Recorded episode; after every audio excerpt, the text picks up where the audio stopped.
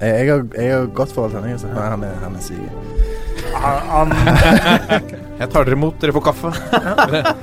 Nå mista jeg lyden i høretelefonene. Der kom de tilbake. Ja. Ja, det er hyggelig å være her. Jeg er glad i, i podkast som fenomen. Jeg må ut. hjemme mot Lyngen Karnes gikk de på et litt leit 0-19-tap eh, Oh. her. Hvilken det- divisjon snakker vi? Er det tredje eller fjerde? Fjerde, fjerde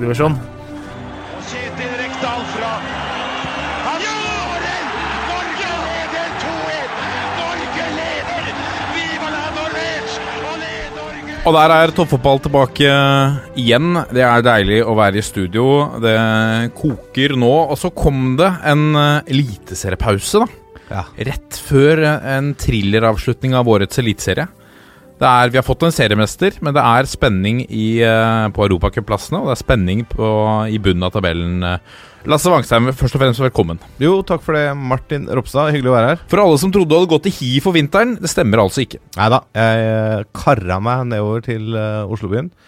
Dog noe forsinket i dag, det må jeg få lov å si. Det er viktig å understreke her til alle lytterne at Lasse Wangstein har gjort en innsats utenom det vanlige ved å være til stede her i dag. eh, altså Klokka har passert Passert nå halv ti på, eh, på, på uret. Ja. Uh, og, og vi sitter her en sen kveld nede i historiske Historiske Ikke ruiner, men eh, i et område hvor folk har blitt skutt. Så, så det er ikke hvem som helst som går inn på disse trakter. Så i, går, er det folk som går igjen her? Det tror jeg. Jeg hørte om en hest, en mann ved hest også, Oi, oi, som rir igjen her. Ei, ei, ei, ei. Ja, ja, ja. Ja, kanskje vi ser den på vei ut. Nei, vi skulle egentlig spille inn i åttetida. Jeg jobber jo litt nord for eh, mitt bosted, eh, som er eh, litt nord for Oslo igjen. Eh, og så ble det noe styr hjemme med noen små småttiser som slo seg vrange etter pappa hadde vært borte et døgn. ja. Det er litt bra også på mange måter, da. At de At slår ikke- seg vrange. Nei, At det ikke er likegyldig til at du er borte et døgn. Nei nei, det er for så vidt sant. Ja. Så, men ehm, vi måtte jo få spilt inn, for vi har jo eh, voldsomt forfall i dag. Absolutt. Det er jo bare også, Mannefall, Det er mannefall. Må vi kunne si. Ja. Uh, vi kommer sterkere tilbake. Men det er altså så mye å snakke om. Vi får får om. prøve å være så sterke vi kan. Meget sterke kan, kan vi være. Og det er, eh, det er ikke mangel på krutt. Vi fikk jo en servert i dag. Bjørneby, Bjørneby er ferdig på dagen. Ja. Hvilke tanker gjorde du deg da når du leste det i, i pressen? Nei, Det umiddelbare som slo meg, var jo relatert til en sak som Adressa slapp i går.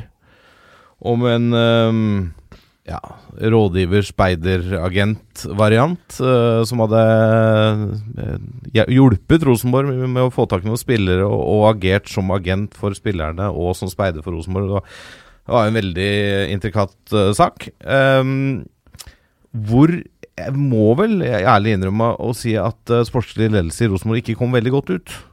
Ja, det var jo denne Se om jeg husker navnet i farten. Kian eh, Karam. Ja, stemmer. Som da var rådgiver eller agent for både han eh, Jonathan Levi og Jebali, Ja. som Rosenborg har henta de siste årene. Eh, og så er det jo sånn at du skal jo være registrert som agent for å få lov å stå som agent på overgangspapirer. Og eh, et par av disse gutta er vel registrert med han som agent når han ikke var registrert som agent. Mm. Og han har gått ut og sagt at han jobber for Rosenborg, og det var rolleblandinger, da. Flere sider av bordet, og det har man jo sett litt lenger sør på norgeskysten også tidligere. Folk med agentlisens som har sittet på opptil både to og tre sider av et bord. så, så jeg tenkte sånn umiddelbart at jøss, det var såpass, ja.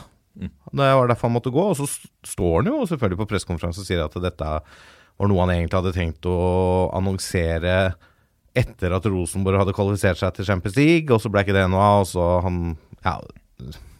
Men jeg syns det er rart, da. Det er ingen av tilstedeværende presse på Lerkendal i dag i den avsatte kvarteret, det, det avsatte kvarteret de hadde, på en hasteinnkalt pressekonferanse, drista seg til å stille dette spørsmålet. Det var kun spørsmål i plenum, det er greit nok. Det er jo på en måte Rosenborg står fritt til å velge det. Men jeg syns at eh, journalister som har et snev av liksom respekt for faget sitt, rett og slett, burde ha stilt det spørsmålet til enten Bjørneby eller Tove Mo Dyrhaug. Er dette pga. den saken i går? Mm. Og fått noen ytterligere kommentarer rundt den saken. Så har man sikkert fått et eh, standardsvar, selvfølgelig, Jo, at det er en personalsak osv. Selvfølgelig hadde man fått det, men da må de svare der og da. Du kan lese litt kroppsspråk. Og litt sånne ting. Og du må i hvert fall stille spørsmålet, mener jeg, da. Mm. For det, er- det er helt legitimt å spille. Nei, å stille. Uh, og nå kanskje Altså Bjørnby har jo knapt snakka på fem år som sportslig leder i Rosenborg. Og det blir nok ikke noe lettere å få han i tale etterpå. Så det, dette kan kanskje bare bli hengende i lufta ikke sant? inntil eventuelt NFF foretar seg noe. Inntil neste rettssak. Ja, Får håpe det ikke blir det, da. Det er ikke noe særlig med rettssaker i fotballen, syns jeg. da Nei, det er vi skjønt eh, enige om. Ehm, nei, det er eh, Det føyer seg dessverre inn i rekken da av et eh, annus horribilis for Rosenborg. Det har vært mye utenomsportslig støy. Vi har Vi kan jo touche inn, inn på det litt senere, men denne pyroen, sivil politi på tribunen Ja. Uansett om, om Rosenborg-ledelsen er kjent med det eller ikke, så vil det selvfølgelig ryktene svirre om at dette var noe som var orkestrert, regissert fra ledelsen Ja.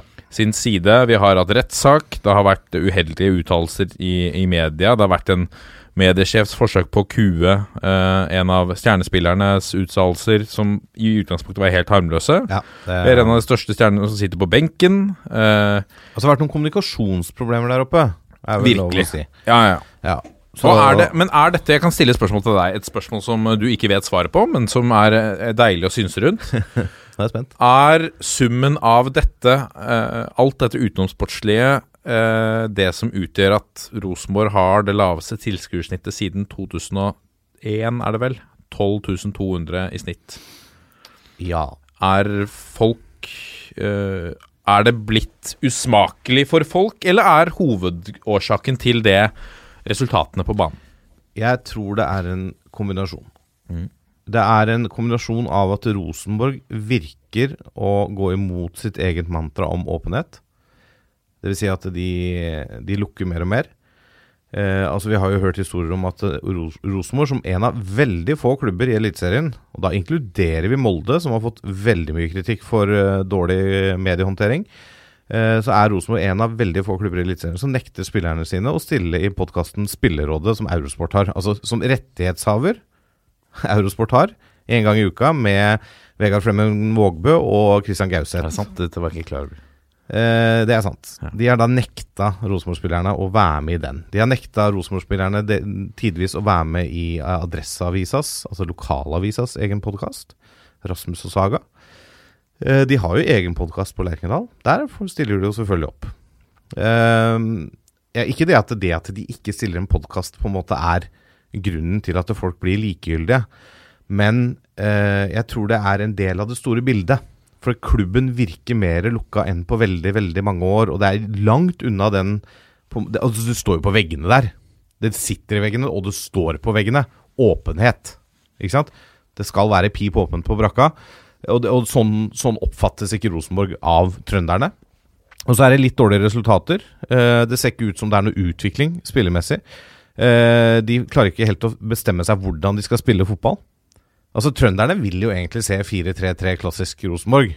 eh, med masse angrep, i innlegg fra kant, skåringer. eh, ikke sant? At de dominerer kamper. De taper hjemmekamper som de ikke skal tape. Det ser litt sirup ut. Det ser litt mett ut på banen. Det virker som Horneland ikke helt vet hvordan han ønsker å sette opp laget.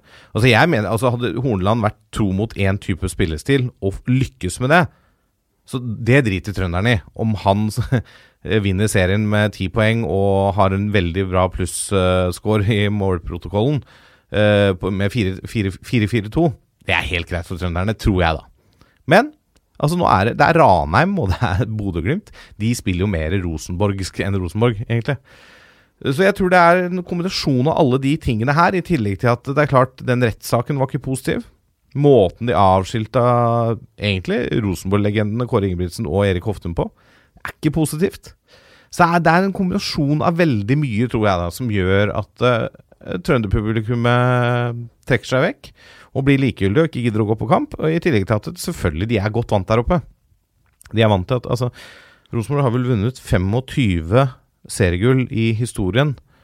Og de fleste har jo kommet de siste 30 årene.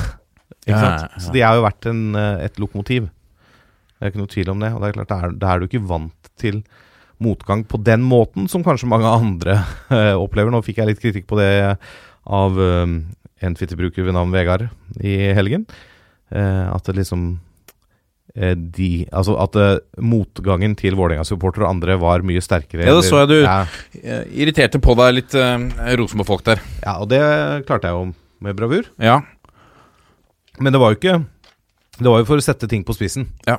Eh, At en mislykka sesong i, i, i dine øyne er altså nedrykkskamp, mens i Rosenborgs øyne så er det lukte på europaplass. Det er muligheter til å kvalle til Europa, ikke sant. Ja. Uh, og så skjønner jo jeg det at det er, en, er motgang fordi, fordi de har vunnet tre år på rad og alt det der. Ja. Jeg har full forståelse for det, selvfølgelig. Og det er ikke det at det er noe svakere motgang, eller at det føles noe mindre sterkt for de enn for oss. Men det var for å sette litt perspektiv på det, og som jeg også sier, at jeg forventer at eh, Fredrikstad-supportere og Lyn-supportere ler av Vålerengas motgang. ikke sant? Skulle faen meg bare mangle. Altså Lyn er i tredjedivisjon, Fredrikstad er i andredivisjon og burde ha rykka opp to år på rad og har ikke klart det. Ikke sant? Der er det yoga og tøy og bøy og diktlesing, ikke sant? Og det funker jo ikke det heller. Merkelig nok. Så, så det, er, det er perspektivet i det, da. Ja. Eh, så, men eh, jeg tror det er en eh, veldig sammensatt greie. Og så er det klart en, en siste ting tror jeg er mangel på lokale profiler. Ja. Det har på mange måter vært det minst rosenborgske året kanskje på de, de siste altså 25 årene Ja. for Rosenborg. Det er ikke så langt unna, i hvert fall. Nei. Nei. Vi, altså, selv om man på mange måter ikke ønsker de Hvis man heier på et annet lag, så ønsker man jo kanskje ikke at det ryddes opp, at det kommer tilbake, men vi ønsker at en av, altså de, øh, en av de beste supportergjengene i, i Norge blir behandlet litt bedre. Får litt Ja. Altså eh, At de får litt bedre rammer, må vi kunne si, da. Eh, Og så får, får de Så får resultatene gå som de går. Jeg er helt enig, og det har jeg sagt i den podkasten her før. Altså, det kjernen har gjort de siste si fem til ti årene, da Fra, altså fra Lerkendal-publikummet være litt sånn traust satt uh, RBK, klapp, klapp, klapp, liksom. Så kjernen har vokst seg fram til å være en av de absolutt og lokomotivene også på supportersida. Både i, i kraft av lyd og TIFO og, og stemning på tribunen. Mm. Kjernen de har vært fantastiske de siste årene. Og Det er leit å se det vi ser. eh, Så Fortjener bedre, må vi kunne si. Til litt hva som skjedde i helga. Absolutt. Vi skal selvfølgelig ha ukens tulipan og kaktus. Eh, Vi skal ha rundens øyeblikk. I pulsen skal vi gratulere vår seriemester. Eh, Vi skal eh, rett og slett tippe hvordan eliteserieavslutningen ender. Hvem som rykker ned, ved å gå gjennom kamp for kamp. Vi må snakke litt om pyro. Uh, pyroadvarsler for de som er lei av pyropraten. Det kommer til å komme litt her også.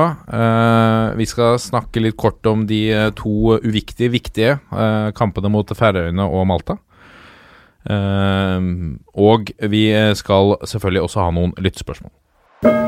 Dette er toppfotball. Og så har vi kommet til en av mine personlige favoritter. eh, Spalten ved navn Ukens tulipan og kaktus, som vi har trykket til vårt bryst i denne redaksjonen. Her presentert ved spaltens president, Lasse Wangsten. Takk for det. Ja eh, Har du funnet noe på kaktus denne uken? Vanskelig, eller? Her er det mye å ta. Ja. Eh, En slags jungel med kaktuser? Ja, det er, det, det, det er jo litt jungel med kaktuser eh, på mange måter. Um, men jeg, jeg tror nok, hvis jeg må velge én, sånn umiddelbart Kan ta to. Ja, vi får se, da. Men det, det, det, det blir jo um, Det blir jo det som skjedde på Kjernen sitt felt på Lerkendal i helgen. Um, da det ble blusset. Vi skal snakke litt mer om bluss senere. Um, som det ble på veldig, veldig mange arenaer eh, i Eliteserien i helgen, og helgen før. Etter da denne famøse kampen på Åråsen mellom eh, Lillestrøm og Vålerenga. Eh, det ble blusset. Og så hadde da politiet eh, innordna seg oppe i kjernefeltet eh, i sivil med Rosenborg-skjerf og agerte som supportere. Og plutselig napper til seg en fyr og legger han i jern. Smeller ned et bord, da, fordi han gjør litt motstand, naturlig nok. Eh, knekker bordet og løfter han rolig ut av kjernefeltet i løpet av første omgang der, som ender med at veldig mange mennesker bare pakker sammen eh, flagg og banner og alt, og går. Altså, de forlater stadion i løpet av første omgang. Eh, altså, det er jo en enorm kaktus til politiet i eh, Trondheim sin eh, måte å håndtere dette på. Eh, nummer én er at det sies jo at denne personen ikke hadde blussa engang. Han hadde stått med et flagg og prøvd å holde det unna bluss. Eh, og så, ja, så hadde nok han vært litt eh, aggressiv når han ble plukka på. Og det kan jeg jo forstå, hvis du føler at du ikke har gjort noe gærent. Hvis de er sivile i tillegg, og påstår Ja. det er politi. Ja, ikke sant? Eh, men det er liksom Og så hadde det hadde blitt noen skader og sånn. Men det, det, altså, hvis du går inn i en blussituasjon og ikke er, er, vet hva du gjør, ikke sant Og det er gjerne sånn når du blusser, så blir det sagt rundt Nå kommer vi til å fyre opp bluss her. Hvis du ikke vil være i nærheten, trekk litt unna. Så trekker folk unna. Så dette løser seg som regel veldig greit på tribunen. Eh, vi er alle enige om at kasting av bluss på banen eller på, opp i en leilighet, selv om du har fått en potteplante og en dartskive i huet først, det er ikke greit. Det er ikke greit å fyre opp fyrverkeri over banen mot egne spillere. Det er heller ikke greit. Det er rein idioti. Men blussing på tribunen i de formene der, som da norske supportere gjør av og til, det, det syns jeg vi må kunne akseptere. Og jeg syns ikke politiet skal gå inn på den måten eh, i et miljø som fordi en fotballkamp betyr mye. Det er mye følelser. Eh, det er mye testosteron blant mannfolka der oppe. Eh, og det, det, det, er sånn, det er oppskriften på at det går gærent. Eh, så altså, her må politiet ta enorm selvkritikk. Hvis det da viser seg at dette er gjort i samarbeid med klubben, med Rosenborg, da blir det jo en kaktus til, for å si det sånn. Og det vet vi jo ikke. For det er jo ikke det er ikke nådeløs åpenhet der oppe, som vi snakka om litt tidligere på den. Uh, men uh, men nei, nei, den situasjonen der, den um, var ikke bra. Ikke bra. Nei, og den Altså, hvor skal man begynne? Ehm, den, den fyrer opp Og så eh, liker jeg veldig godt å bruke det uttrykket, selvfølgelig, i denne diskusjonen, men, men, men den fyrer jo selvfølgelig opp og kaster bensin på bålet i den diskusjonen. Ja. Uh, som handler om Jeg vet folk er lei av å diskutere pyro, eh, og for alle der som der ute som er Som ikke forstår hvorfor supporterne engasjerer seg så sterkt eh, med tanke på pyro, og, og eh, tillatelsen for å fyre opp en pyrorakett, eller vet du hva man kaller det? Bluss.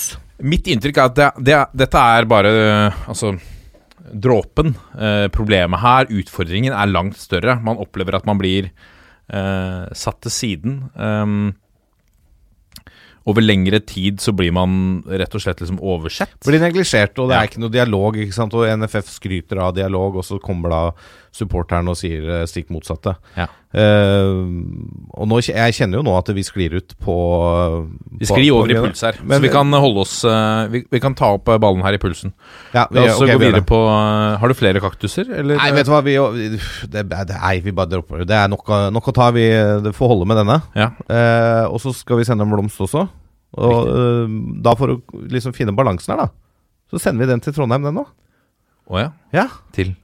Eh, Pål André Helland. Riktig. Ja. For det Altså, jeg blir så glad som fotballsupporter og som fan av norsk fotball av å se det engasjementet han viser i det Eurosport-intervjuet etter kampen. Nydelig. Det kom rett fra hjertet. Og ja, det er godt mulig han er en jævlig god skuespiller. At dette var også et stikk til ledelsen, fordi at han har blitt benka og mener han bør spille hver kamp, og at det liksom, han mener at ting er gjort gærent der oppe. Vi vet jo hva som kom fram da Kåre Ingebrigtsen ble, ska- øh, ble sparka. Og det var jo Pål André Helland som sto litt i ledetog der òg. Eh, men det føltes så ekte ut. Altså, det var 5000 mennesker på Lerkendal stadion mot Bodø-Glimt, et lag de historisk alltid slår, og det, var, det er kamp om medaljene. Eh, og han står der og blir backa opp av kompis Gjermund Aasen, som sier at de har kompiser som har sesongkort på Lerkendal, som gir faen, og er hjemme og ser på en serie eller noe annet. Altså det er, det er så og, og jeg mener han snakker til hele Fotball-Norge. For dette, dette Du ser jo på Intility, du ser delvis Altså du ser det på andre arenaer òg, at det er færre mennesker som dukker opp. All ære til det de får til nede i Sarpsborg, selv om de sliter. og er kanskje det laget i år som har underprestert mest i forhold til forventninger. Altså Sarpsborg var tippa på medalje i år, og holder på å rykke ned. Eh, men publikum der nede, de stiller opp og trøkker til. All ære til det de får til der nede, men generelt i Eliteserien så er det nedgang. Det er færre på stadion. Og da er det jo lov å spørre seg om man kanskje skal ta opp den diskusjonen igjen. Skal vi telle antall solgte, eller skal vi telle antall inne? For når Tove Mo Dyrhaug står på TV i, i samme sending og sier at eh, ja, det var jo 12 000 her inne, og så sier Jonas Berg Johnsen at nei, det er jo ikke det. Jo, jo, i dag var det 12 000. Og Det, det faller jo på sin egen urimelighet. Men dette her kom fra hjertet på Pål André Helleland. Jeg elsker å se det engasjementet. Eh, så det fortjener han all mulig heder og ros for. At han tør også å gå i strupen, egentlig, på egen klubborganisasjon. Og han passer på å ta med seg spillergruppe og trenere i drag... Det inkluderer jo da han selv, i dragsuget på det. Ja. Alle her oppe må gå i seg sjøl. Så mm, sånt engasjement vil jeg se mer av. Ja, det var friskt, og det, og det er deilig å høre noen som som eh, ikke sminker på det. Ja. Eh, og ref din favorittklubb Vålerenga som blir konfrontert med lave tilskuertall, hvor man sier at nei, men de er ikke så lave. Mm. Ja, men det er ikke poenget her. Når man begynner å diskutere på sånne småting, det er ikke poenget. Nei. Poenget er at det er altfor få på tribunen. Nettopp. Om, om det er 500 som skiller hit eller dit, det er Ja. ikke poenget. Eller om du har hatt uh, faktisk en oppgang på ti i snitt per kamp uh, siden i fjor. Ja. Men har solgt uh, 2000 mindre billetter. Det er ikke det det handler om. Det handler om at det er for få. Ja, og Det du oppnår ved å produsere på tallene, er at du oppfattes egentlig bare som litt mer smålig. Etter min Ja, mening. jeg er helt enig. Ta diskusjonen. Eh, skjønn hva dette dreier seg om. Må vel Ja. være en henstilling til folk- en rekke aktører i denne diskusjonen. Folk som ser på fotball, enten på stadion eller på TV, de er ikke blinde, og de er ikke dumme. De ser at det er lite folk der. Da går det ikke an å si at ja, men det var fullt på den tribunen som dere filmer fra. Ja. Men det er jo ikke 12 000 hvis den er full, og så er det 300 på resten. Da er det ikke 12 000 Altså, nei. Nei. Uh, så, men uh, Tulipan til Helland der også. Blomst, tulipan, et eller annet. I hvert fall uh, positivt, eh, positivt bidrag fra Helland. Det er bra. Og i tillegg til at han leverte så det smalt på banen òg, da, selvfølgelig. Dette er toppfotball. Og da har vi kommet til rundens øyeblikk, og vi da begynner, med, deg. deg. Vi begynner med meg denne gangen. Ja, for nå har jeg akkurat tatt både blomster En tirade der. Ja, Vær så god. Vi skal til eh, eh, Vi skal til eh, Åråsen. Uh, jeg kunne plukket ut flere, flere ting her. Jeg velger eh, å plukke ut Oliver Edvardsens eh, 2-0-skåring. Ikke pga. selve skåringen, men fordi at det er Oliver Edvardsen. Vi har vært hos eh, toppfotballvenn eh, Grorud-trener eh, Eirik Kjønø, som vi, vi må gratulere med opprykk også. Fantastisk. Eh, Sterkt jobba. Vi, jeg hadde ikke troa på at de skulle klare det. De hadde mista toppskårer Oliver Edvardsen. De hadde noen tøffe kamper. Eh, en, en sterk prestasjon av Grorud. Eh, tidligere Vålerenga-spiller Oliver Edvardsen viser etter et vel et halvår i, i, O- i Post Nord at han kan skåre mål i Eliteserien, som han ikke fikk mulighet til i Oslo-klubben. Eh, setter altså inn, inn 2-0 der, og, og, og det var gledelig å se. Det er hans første kamp fra start. Han sjette, to, sjette totalt for, for uh, Stabæk. At, uh, at han det viser seg at han har tatt en riktig beslutning og gått fra Vålinga via Grorud, eh, blitt toppskårer der, og nå har begynt å putte i, i Stabæk. Mm. Og en god signering av Stabæk virker det å, å være, selv om det er tidlig, en scoring. Gøy at han fikk sjansen. Eh, det, det var mitt eh, høydepunkt fra denne runden. Jeg kunne trukket fram masse andre ting, men, men eh, det var gøy å se Oliver Edvardsen. Jeg trodde faktisk du skulle si at det var feiringa hans som var høydepunktet. Kunne, kunne sagt det også. For den er det klasse ja, høy, over, altså. høy klasse over det. Altså, det, Nok en toppfotballvenn, da. Mini Jacobsen. Det er bare å tre til side. For det, altså, det han holdt på med, er Altså, det Edvardsen holdt på med, det går jo Mini en høy gang. Ja, Det minner om Hva heter han? eh, heter Kim han? Holmen. Kim Holmen, ja. Turneren i Lyn. Altså, han, han, han hoppa jo opp med skru Ja. og landa et En fjellstøt. slags eh, kolbøtte der. Ti poeng til Edvardsen. Ja. Ja. Ti av ti. Har du plukket? Jeg har eh, plukket eh, et brunt øyeblikk. Riktig. Så vi skal til Konsto Arena. Skal vi til Ørn Horten? Nei. Nei, vi skal ikke til Ørn Horten. Dessverre. Er Altså, ikke de ferdige? Ja, de er overhodet ikke ferdige. Det er knapt begynt. Uh, Eh, nei, sesongen er ferdig. Ja, ikke sant? Vanskelig å plukke øyeblikk når de ikke spiller kamper. Nei, det blir jo um, Det blir Christian Gauseths uh, 2-1-skåring, blir vel det, da. Uh, hjemme mot eh, Ranheim. Mm. I en ekstremt viktig kamp for å holde plassen i Eliteserien. Mm. Eh, som vi kommer tilbake til etterpå. Eh, det er altså det er litt vilje i den skåringen til, eh, til gamlefar sjøl der. Han er kaptein, spillfyrer. Elsket og hatet fordi han tør å åpne kjeften. Altså han, han er jo også en sånn type som ikke pakker inn svara sine og svarer på automatikk. Og det er veldig deilig og befriende. Ja, Apropos, han skal vel løpe om kapp mot Vegard Hansen Ja, i morgen? det det ja, det var noe greier der. Ja. Ja, det er gøy. Uh, men, uh, men det var så mye vilje i det han gjør, og det, det er jo et egentlig et ganske forferdelig mål. Det, er, altså, det er ikke noe pent. Men det er litt sånn captain, uh, captain's Han goal, står fram. Ja, Ja, han står fram. Ja, og innstillingen trumfer skills. Ja, ja, Og han bare ja. presser ballen i mål, på en måte. Det er jo som uh, Apropos å gratulere, vi har jo gratulert før, men Lars Bohin og Ålesund har rykka opp. Og jeg husker da Bohin var i Vålerenga, så hadde jo han en e- e-postsignatur. Hvor det sto uh, 'Hard work beats talent if talent doesn't work hard'. Ja, ikke sant Ikke sant? Så det er jo litt sånn. Og det nå, på slutten av sesongen, så tror jeg fort at eh, det harde arbeidet kan trumfe ethvert talent eh, for de som trenger eh, sårt poeng, da. Men For det er nå, nå innstillingen og altså, hva skal vi si crazinessen Mm. er styrken i, i, i laget ditt. Det er akkurat det. Og det, det syns jeg Gauseth viste med den skåringa. Og den var jo på mange måter match matchavgjørende, da, siden de vinner kampen. Så det, mm, det var et herlig, herlig øyeblikk i forrige runde. Nå kommer pulsen. Da har vi kommet til pulsen, og vi begynner pulsen med å gratulere Molde fotballklubb eh, med seriemesterskap. 19 seire, 5 uavgjort og 4 tap. Ubeseira på hjemmebane. 2,28 mål i snitt per kamp. To spisser med 15 mål eh, hver. Wolf Eikrem eh, med en OK sesong på 10 skåringer der fra, fra midten. De har spilt til tider en fotball uavhengig av hvem som har spilt, eh, som har vært eh, soleklart best. De sjokkerte vel både Rosenborg og alle både nøytrale og eh, subjektive tilskuere da de feide Rosenborg av banen, banen her i vår. Det var før vi skjønte at Rosenborg var helt ute av det. Men, men eh, altså de, det var omtrent divisjonsforskjell på det de holdt på med i den, i den kampen der. Eh, det som har imponert meg, vi har vært litt inne på det i år, er evnen ved å Altså, du har to spisser her, OI og Leke James, som står med 15 mål hver seg.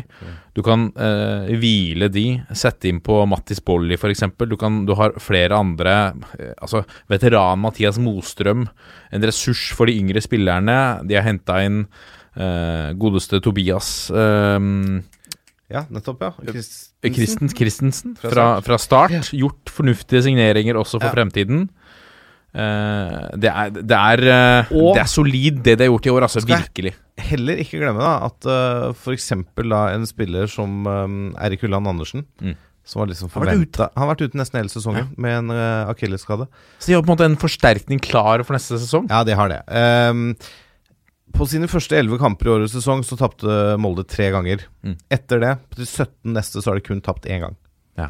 Og da har de altså spilt uavgjort fire, ett tap, og så har de vunnet da resten. Det er altså så sterkt, det. Eh, de har 60 Nei, eh, jo, de har 62 poeng. Eh, de kan altså da karre seg opp på 68 poeng. Det er, det er ganske solid eh, sesong. Eh, og når du avgjør to runder før slutt, da er det lov å klappe seg sjøl på skuldra for eh, vel utført sportslig sesong. Liten tur på puben her, så jeg på sosiale medier. Det må være greit. Ja, det være Det er to uker til neste kamp, og du har avgjort. Eh, da er det bare å gå på pub, altså. Det, Selvfølgelig skal du gå på pub, da. Skulle bare mangle. Nei, så det er imponerende. En del utenomsportslig fokus også hos Molde, men vi ser jo også at altså, tilskuertallene her kunne jo vært betraktelig høyere, og burde vært betraktelig høyere, gitt at den fotballen de har spilt Ja da, men da Det er mye mindre by, selvfølgelig. Ja, det er ikke sant. Det er akkurat det. Og så er det jo Det har jo både i år og kanskje spesielt i fjor har jo hatt litt problemer omdømmemessig, de òg. Absolutt. Kan vel, eh, er vel flere saker der oppe som kunne vært håndtert på en helt annen måte, da. Hvis vi kan uh, si det på den måten, så vet sikkert folk hva vi snakker om. Uh, og det er også nylig, eh, ref dette med bluss og når de setter opp sånn der nakenvisitasjonstelt og sånn. Ja, det var frist. Ulovlig tiltak. Ja, det er, altså det er liksom Du må Og så er det selvfølgelig Gjør de seg utilgjengelige for kommentarer fra pressen og sånn, da. Og det er jo Det er jo så dumt. At det er Men um, Så jeg, jeg tror nok um, I hvert fall mitt inntrykk når jeg leser litt rundt i, sosiale medier, er jo at det er ikke så veldig mange andre enn moldensere som syns dette er gøy. Uh, altså Molde Det er veldig mange generelle supportere i norsk fotball som har et rimelig anstrengt forhold til Molde som klubb, og um, Og for så vidt også Tornekrattet, fordi at de på en måte går ut med sånne ulne kommentarer for å liksom sette skapet på plass. Men så er det, det er sånn der, det er sånn der Jeg ville ikke akkurat brukt de ordene retorikk, da. Så- Nei, og litt sånn Hvis du har et trøblete år omdømmessig, så er det ikke det året du kanskje heller går ut og, og, og sutter litt gjennover dette hater, hater Molde by eh, Nei, ikke sant. Det er, sånne, det er sånne ting. Så det er um, Men jeg, jeg sier det igjen. Altså, det må Men være sportslig sett Ja, ja, uten, altså eh, Fantastisk sesong av ja. av de, sportslig. Men, men det er en klar henstilling igjen altså, fra denne redaksjonen til årets cupfinaleseminar. Hente inn en omdømmeekspert, en, en kommunikasjonsekspert. Ta og, og Gi det et lite kurs, da. Eh, eh, Fotballklubben et lite kurs i kanskje hvordan man kan bruke mediene til å komme eh, Til at supporterne kan komme nærmere på å bry seg mer om klubben. Og da må jeg få lov å si at det har de faktisk prøvd på denne uka her, fordi jeg ser at eh, Nok en toppfotballvenn, da. Svea. Ja. Har vært i Molde i flere dager og lagd flere reportasjer om seriemesterne. Ja. Uh, som kommer på trykk, eller er på trykk, eller hva det er. Eller web. Uh, les det, i er hvert fall, web. i uh, VG. Eh, så det de, de gjør jo De gjør ikke bare feil der oppe heller. Nei, men det er ofte og og feilene som syns. Ja så da, hvis du gjør de, litt blundere, de, de er åpne på veldig mange måter. De stiller opp i, rundt forbi, og de har profiler som tør å melde. Ikke sant? Ruben Gabrielsen, OI, det er fine, fine gutter det som tør å melde litt.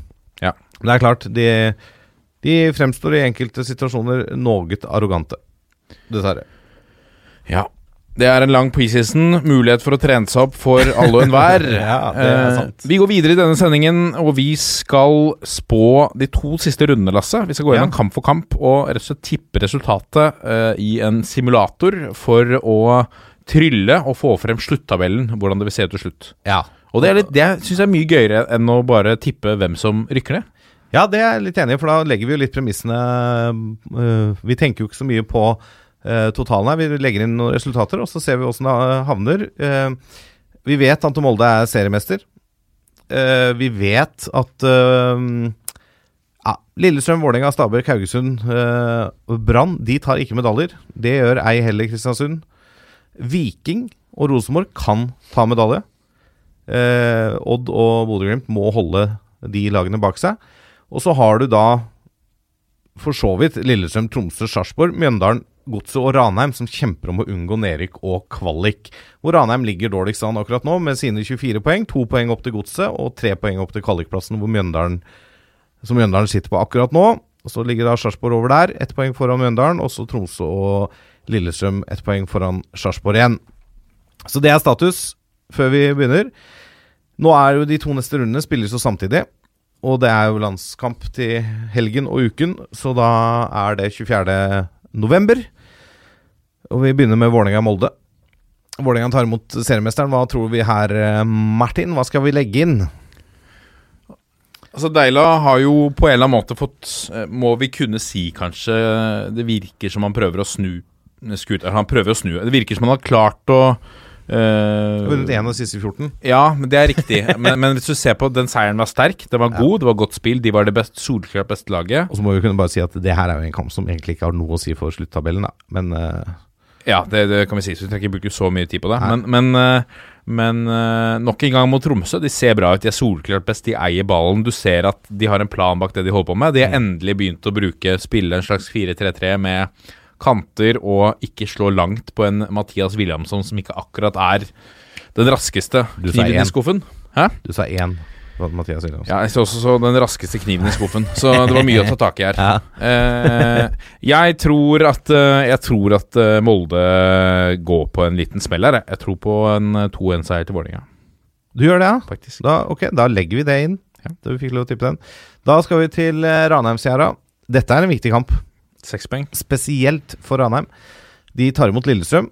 Lillestrøm med uavgjort eller seier vil da sikre plassen for Altså etter alle solverker med uavgjort, så vil de sikre plassen for neste års eliteserie. Ranheim med tap her rykker ned. Da, da er det ferdig. Det er jeg helt overbevist om. Det er, det er ikke noe sjanse, for dem er, det er tre poeng bak Mjøndalen. Um, Ranheim har jo ikke sett ut i måneder siden i det siste, og er Eliteseriens dårligste hjemmelag. Eh, Lillestrøm har jo heller ikke sett så veldig bra ut i det siste, da, og har en forferdelig rekke nå uten seire.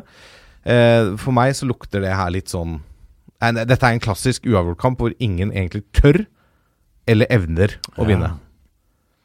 Tenker du her, du? 0-0 ja, eller 1-1? Tenker sånn 1-1, liksom. La oss si det, da. Ja, skal vi prøve det. Videre. Sarpsborg 08, FK Haugesund. Ja.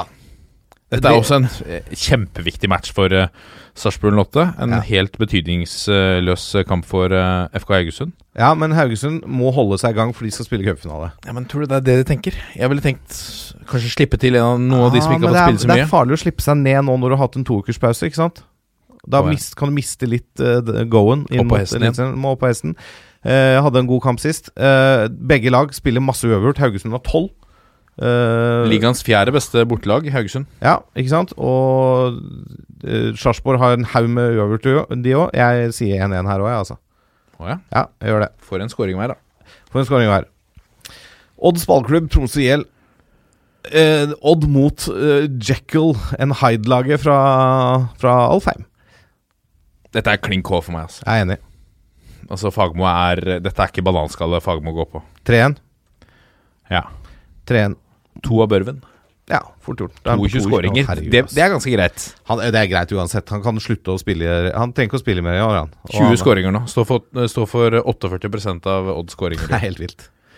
Det er brukbart av en som skulle være indreløper. Det er det. Bodø-Glimt eh. Um, Bodø-Glimt har jo vist litt eh, dalende formkurve. Kristiansund eh, er jo et lag som, selv om de egentlig ikke har noe å spille for, bare klinker til. Eh, og jeg hørte på Flamur Kastrat eh, ja, Flamberg, Kastrati i, i eh, spillerådet, og han sa ja, vi har masse spill for, vi.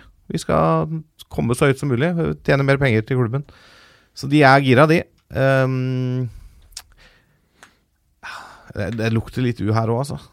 Jeg Å, jeg, jeg tror dette er H, jeg. du tror det er H? Ja, ja. Da sier vi det, da. Jeg tror eh, den borteturen der er ikke Altså, 2-1. Aspmyra er ikke Ja, 2-1. 2-1 vil jeg si. 2-1. Aspmyra er tøff, og, og men jeg tror at eh, Ja, jeg skal spare kruttet mitt eh, siste runde. De har jo godset, vet du, i siste runde. Det har de. Og Godset har SK Brann hjemme i nest siste runde. Mm. Brann som fikk en opptur nå, med seieren sist. Det har sett dårlig ut, altså. Men det har Godset òg. Ja, ja, ja. Det er to dårlige lag, dette. Akkurat nå. Ja. Men vet du hva, jeg, jeg tror faktisk dette er kampen og, for, Også fordi eh, Davy Vatne på, altså Det er jo en kamp mellom uh, Vålerenga, Brann og Lillestrøm å være de hjelpeløses hjelper. Uh, hvor Davy selvfølgelig mener at det er Brann. Jeg tror han får rett den runden her. Her vinner Godset 1-0. Riktig. Jøss.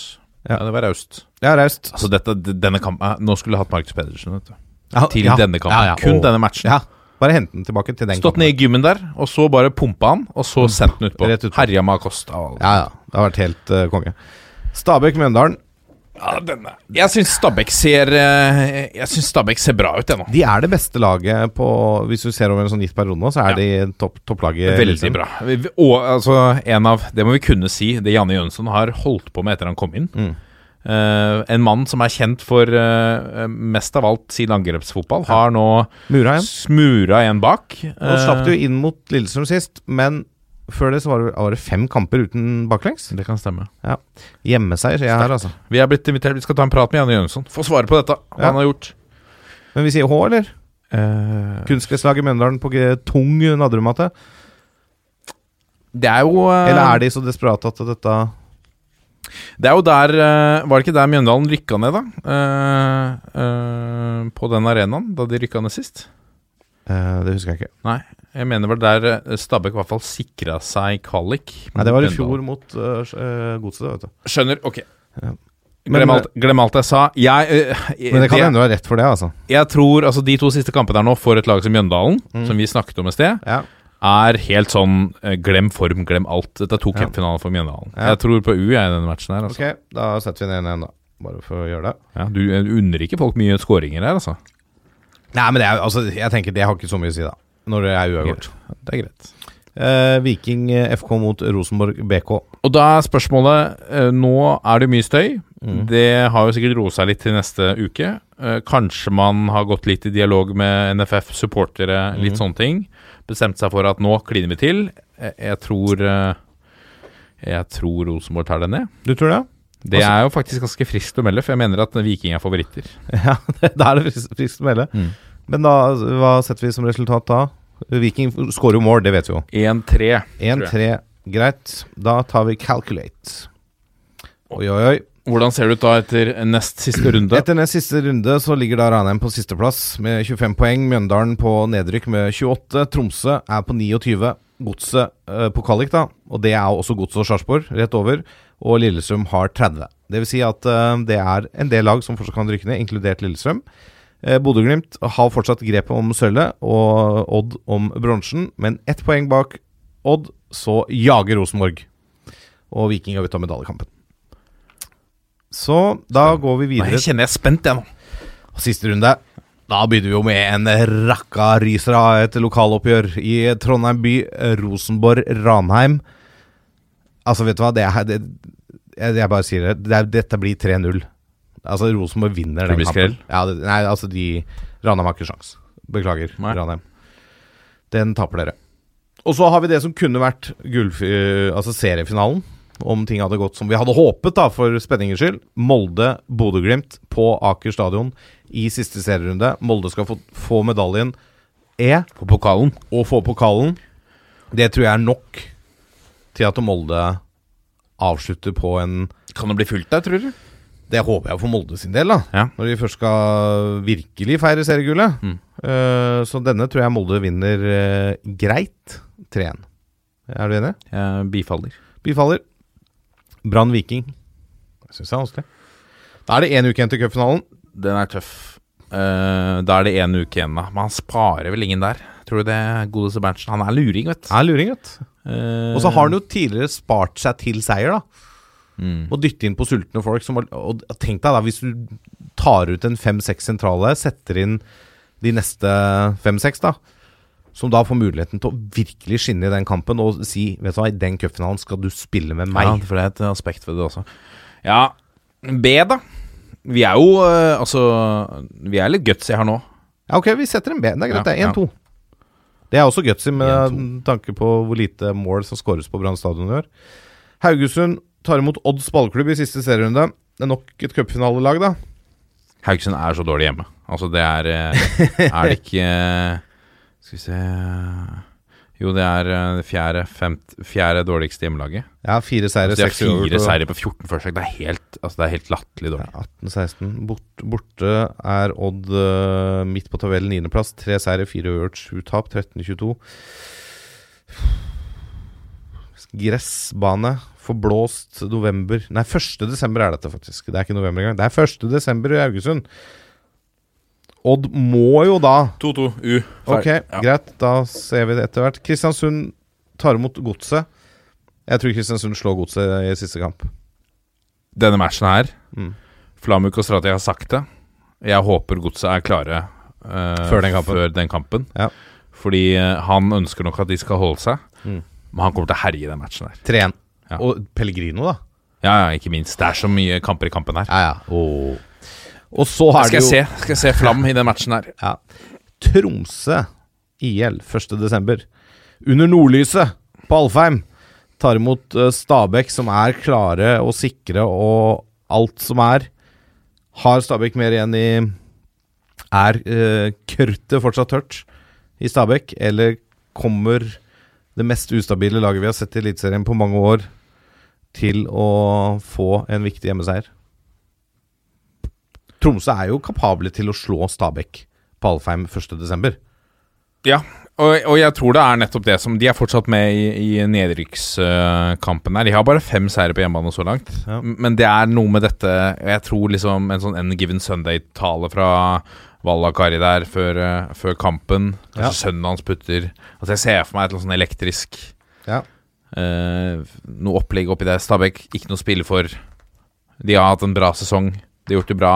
Det er ikke noe press. 2-1 til Rosenborg. Nei, 2-1 til Tromsø. Nei, Stabæk skårer ikke oppi der. Nei, ok, 2-0, da. Ja. 2-0 til Tromsø.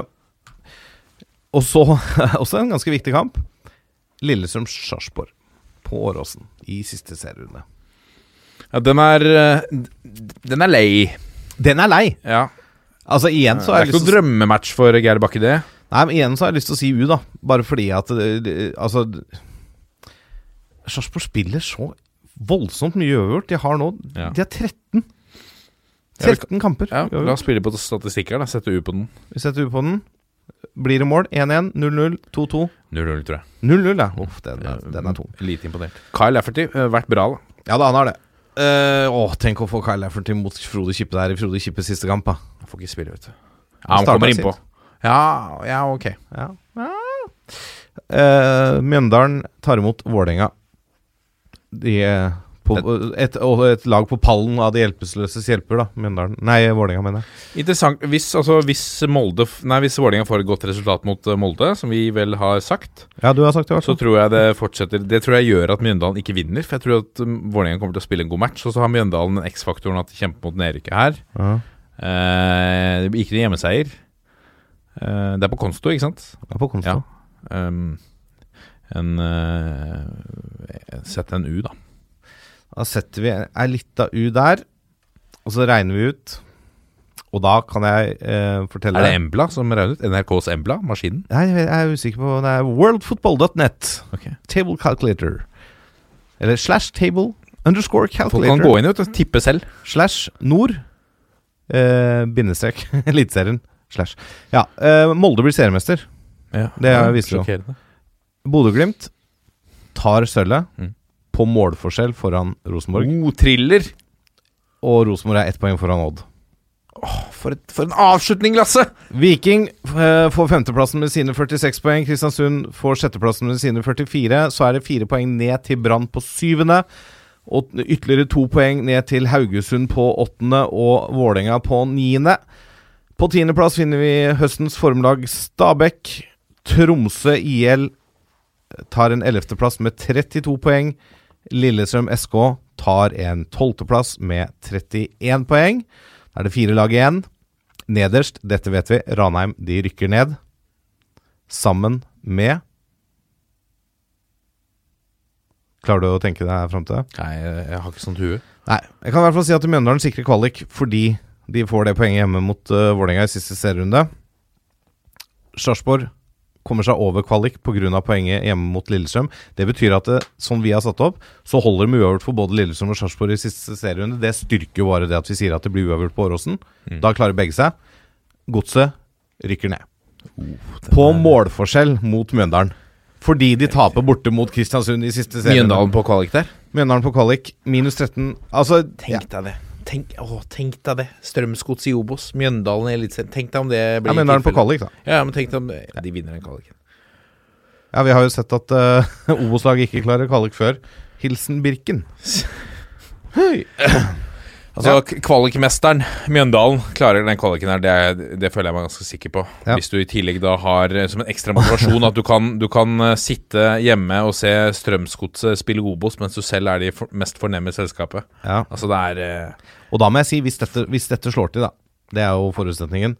Da har vi altså to lag, hvis Mjøndalen klarer kvalik, som holder seg i Eliteserien med fem seire i løpet av en sesong. Ja, det er ikke bra. Mjøndalen vil da ende på 5-14-11 og Sarpsborg på 5-15-10. Strømsgodset vil da ende med syv seire, åtte uavgjort og 15 tap. Mm. Så, og Tromsø da på 11. kan uh, holde plassen med god margin med 16 tap.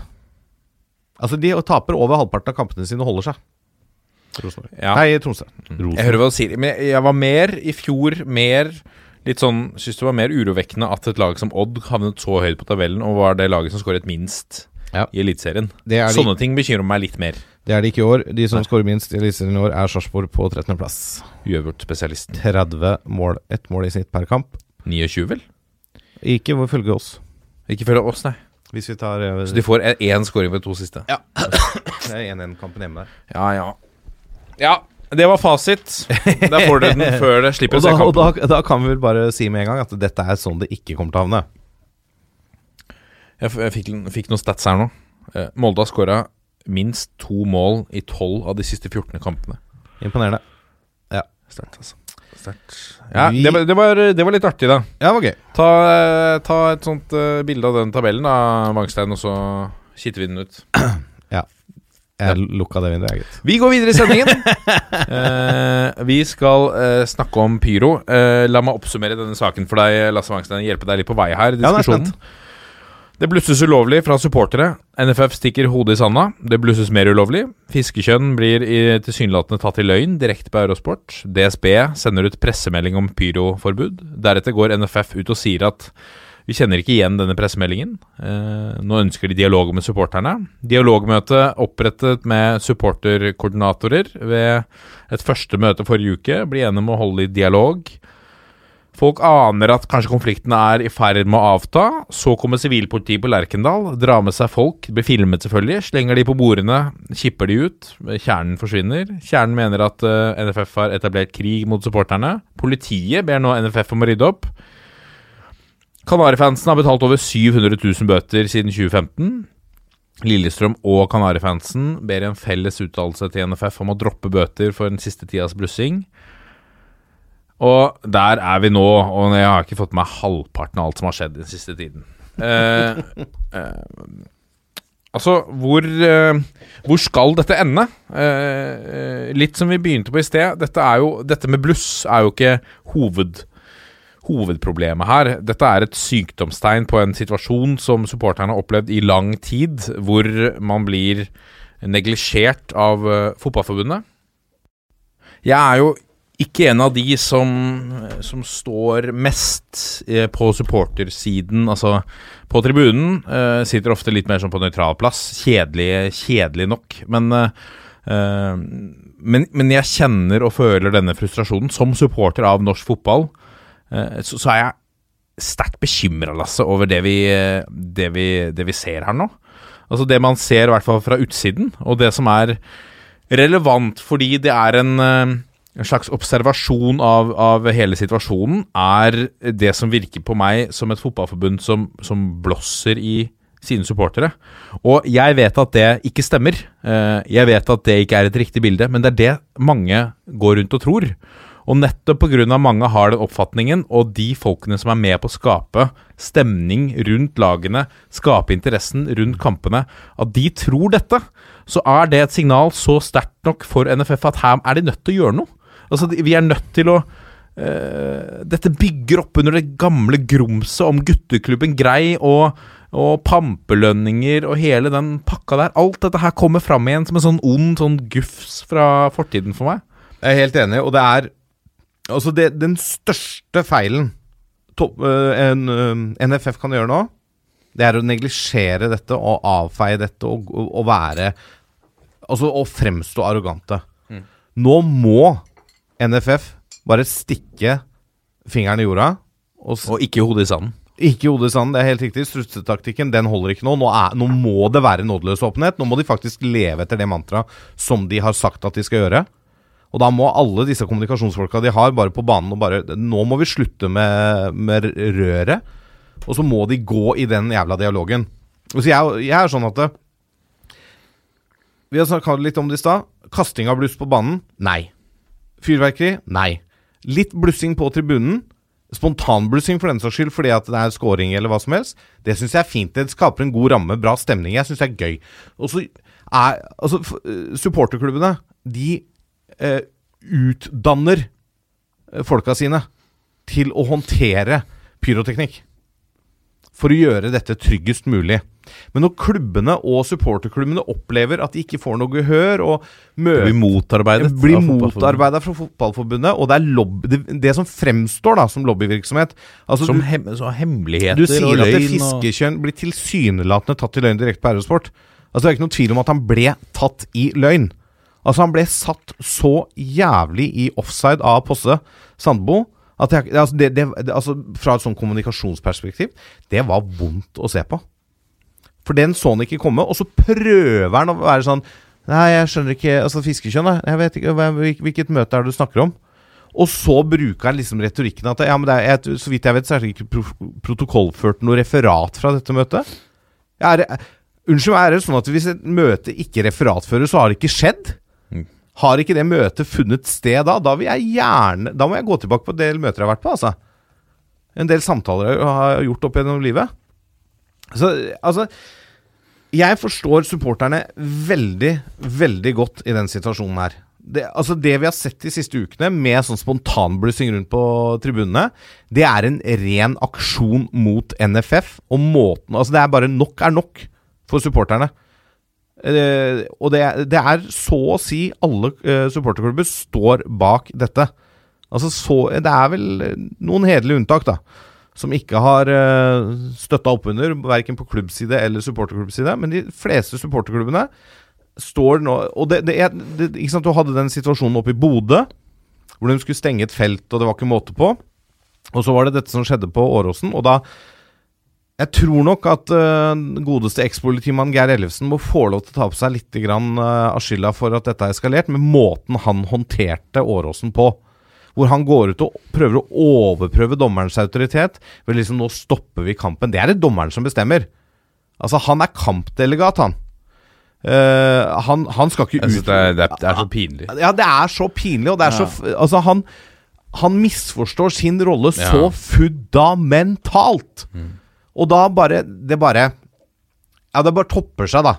For, for hele driten. Og da er det liksom og, og ja, nå har det kommet fram da, at nå skal de gå i dialog, og de skal møtes. Og det har vært møter allerede med noen utvalgte supporterkoordinatorer, og det er kjempebra. Men det, det kan ikke bli med det. Og når du hører om møter hvor det er sånn det inviteres dialog, som blir jo sånn Nei, i dag skal vi ikke diskutere det, ikke sant? Og de har disse eh, presentasjonene med denne doktoren, eller hva det er, fra nede i Europa, som kommer med bilder som er beviselig bare henta fra tilfeldige brannskader. Det har ikke noe med pyroteknikk på tribunen å gjøre. Og når du har en generalsekretær som står og sier at nei, altså nedover i Europa er land vi liker å sammenligne oss med, oss, med sånn som Tyskland, så blusses det ikke. Altså det er bare, jeg, jeg bare lurer på hvilken planet lever de på? Altså, altså Tror de at supportere er så dumme og så lite intelligente at de ikke skjønner at de blir gjennomskua? Eller lever de bare i en helt annen planet? Altså det ja, jeg kjenner at jeg, jeg, jeg forstår supporterne veldig godt. Jeg forstår selvfølgelig NFFs side av det, og at de ønsker trygge arrangementer og trygge rammer for alle tilskuere. Men det er jo ikke sånn at det kommer til å blusses på en hovedtribune eller på en VIP-tribune eller på en familietribune. Det blusses der den harde kjernen av supportere står og synger.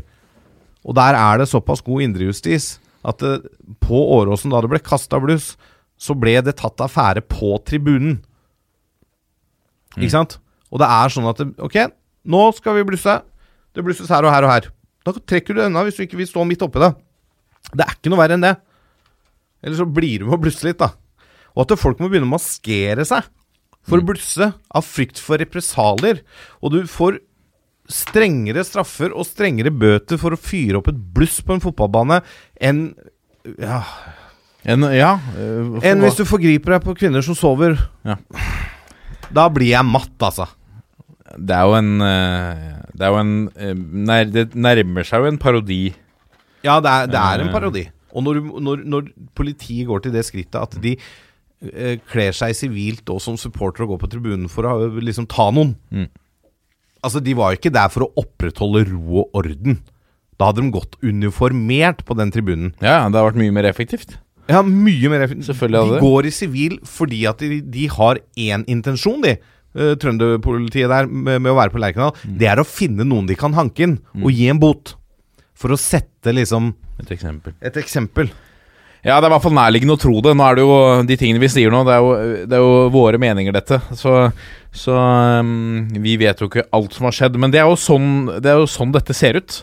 Og det er som vi sier, at uh, når det ser sånn ut, så, så bør man, uavhengig av hva som har skjedd, så bør man jo ta, ta en affære her. Uh, fordi uh, Dersom det er sånn som det virker som, og akkurat nå så virker det sånn på meg at at eh, NFF ikke forstår helt supporternes viktighet for norsk fotball. Og det å, å, å tro at du kan kue norske supportere og få de til å gjøre akkurat som du vil uten å gå i dialog, men, men eh, gå imot tidligere eh, tidligere regelverk fattet i, i samarbeid, eh, da vil folk reagere, da. Ja. Eh, og dette trenger vi ikke nå.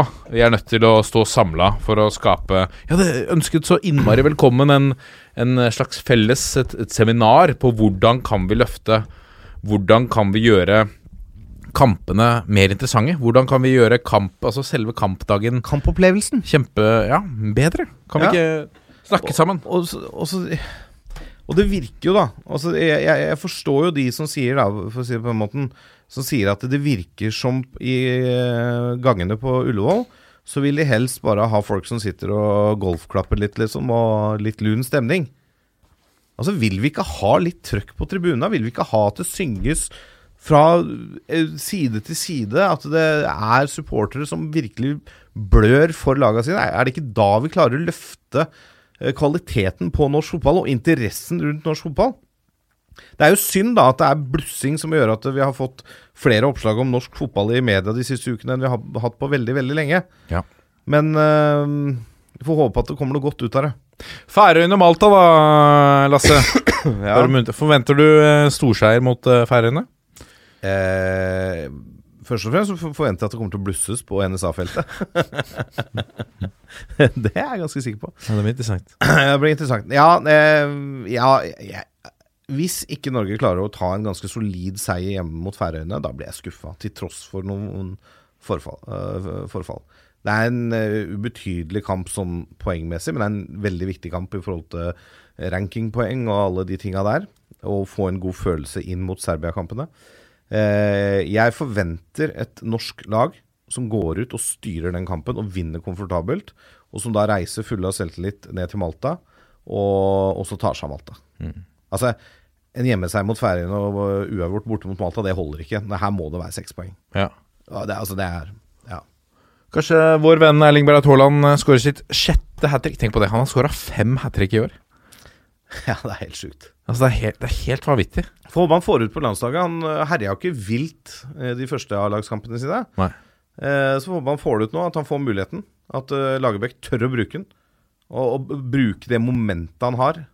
I hvert fall nå som både Ødegaard er ute, Moi er ute, Stefan Johansen er ute. Ja, det, det som er synd også en ting, ja, Det er selvfølgelig synd at Martin Ødegaard er ute, men da hadde jeg gledet meg til å se en spiller som Mathias Nordmann kanskje få Ja. litt spilletid, få ut vise, vise potensialet sitt, som vi har sett. Vi har sett små glimt av det i de matchene som, som han har kommet inn, eh, men han har en stor stjerne hos eh, Lars Lagerbäck, og vi ser jo konturene. Vi har sett høydepunkter fra russisk liga.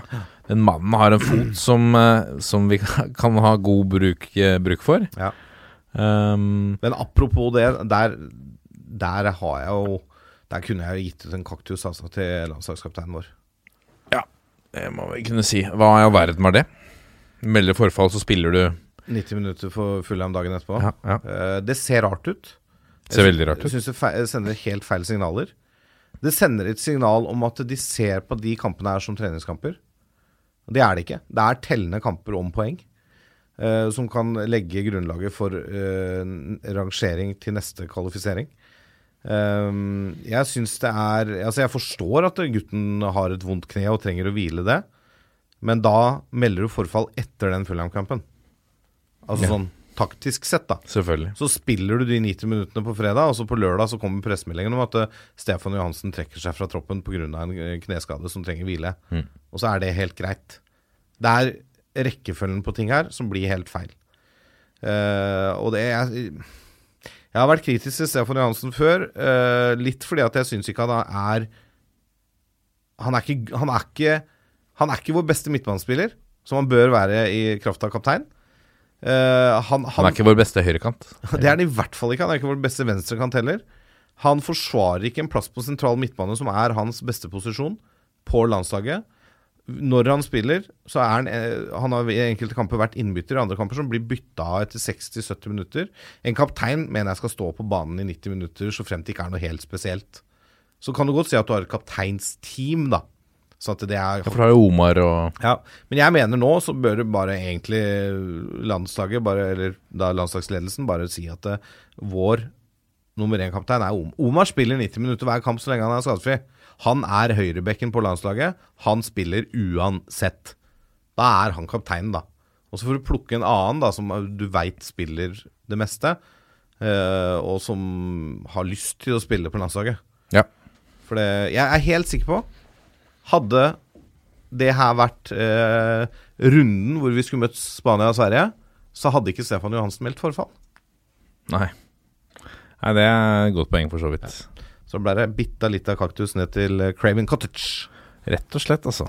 Um, vi går eh, La oss gå videre, da. Uh, dette kunne vært en kaktus. Jeg er nødt til å ta med dette. Det er fra uh, Altså, du er en mediemann, Lasse. O, uh, OA eh, Oavis.no. Er det Oppegårdsavis dette kan være?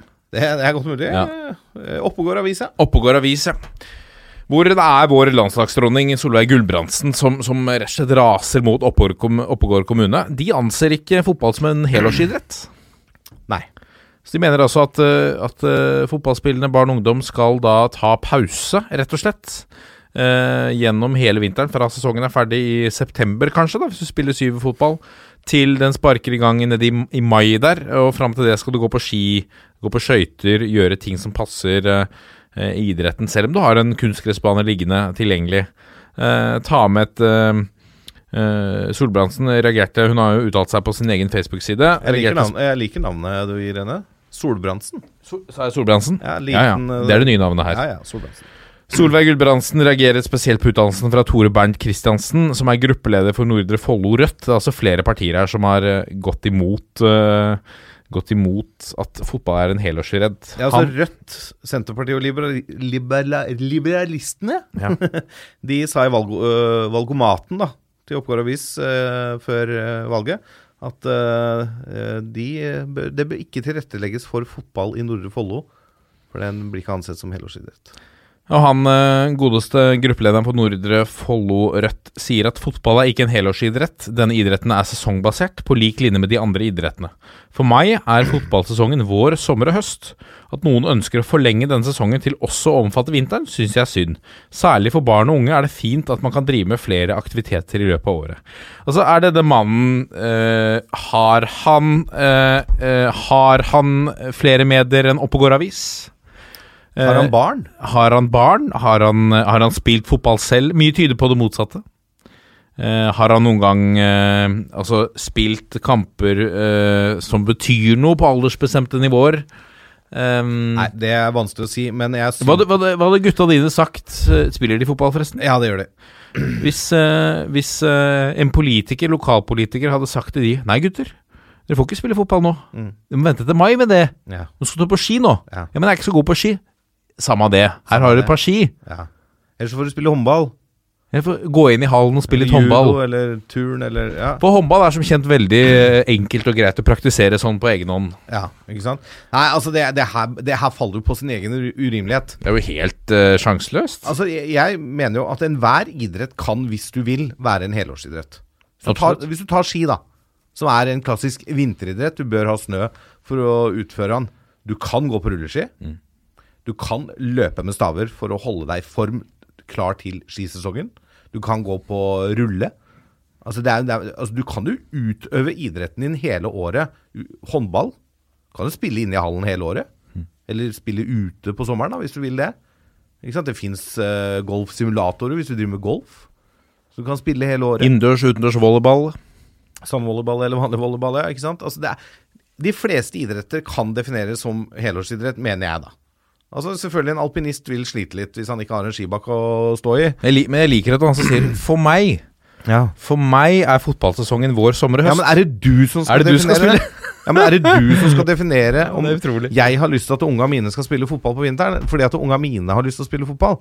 Som vi løser i Dal IL, da, der jeg holder til. Ja. Så spiller vi fotball på kunstgresset til snøen legger seg og det blir for mye is på banen. Da flytter vi inn i gymsalen. Så får du spille på hardt eh, på en håndballbane, da, men Er det ikke undervarme på, på Dale der? det er ikke det. Nei. Det har Nei, for det er det her, skjønner du. Men, ja. men eh, kommunen bevilger ikke en eneste krone til klubben i Oppegård for å holde banen i stand på vinteren. Nei, for det er jo Så la heller, Sånn som Kolbotn, da. En ikke, ubety, en ikke betydningsløs klubb i norsk eh, fotballsammenheng. Verken på kvinnesiden eller på aldersbestemt. Eh, eh, de får ikke en krone til å holde banen i stand på vinteren. Kolbotn reiser til Ekeberg, de, Ja. eh, og trener på eh, på Koffabanen der oppe, på de, altså de, de tidene som er igjen etter at Koffa Altså, det, har tatt. det, det koster penger å holde en bane snøfri i løpet av vinteren. Ja. Den må måkes, du må ha undervarme, du må kanskje salte litt og sånne ting. Uh, jeg tror jeg hørte at uh, fra Dahl at hvis de skulle hatt undervarme, så hadde det vært snakk om en 200 000-300 000 kroner i strømkostnader i løpet av et år. Ja. Det er mye penger. Det- Absolutt. Men si nå det, da. Ja, Ikke men- påberop deg retten til å definere hva som er helårsidrett eller ikke. det er jeg helt enig i. Men samtidig så mener jeg at uh, hvis du kan uh, sponse penger til å legge asfalt på en del av skistadion, sånn at folk kan gå på rulleski om uh, sommeren, Ja. så kan du bevilge penger til undervarme òg. Og jeg mener at en kommune, eller eh, en fylkeskommune for den saks skyld, altså politikerne, de skal bevilge penger til å fremme fysisk aktivitet. Og så må folk sjøl få lov å definere hvilken fysiske aktivitet unga dem skal drive med, eller unga sjøl må få lov til å bestemme det. Og så får da heller på en måte eh, det går videre til at det da også, sånn som Kolbotn, som har et toppserielag eh, eh, for kvinner, får lov til å trene under gode forhold på vinteren, de også. Ja. Og så får det eventuelt være et spleiselag mellom sponsorer, kommune og klubb og alt det der. Men at det, en politiker skal definere hva som er helårsidrett eller sommeridrett eller vinteridrett, det syns jeg bare Ja, det, det, det faller på sin egen urimelighet, og der har han bomma grovt, og det er helt riktig. Må skjerpe seg. Han kunne fått en kaktus, han også. Dette er toppfotball. Og så har vi fått inn litt eh, lyttespørsmål som vi må ta med på tampen, eh, Wangstein. Even Augensen lurer på hvor mange forfall som skal til for at Gya Saeed blir kalt inn i landslagstroppen. Ja, det er Det er et godt spørsmål. Altså den greske ligaen.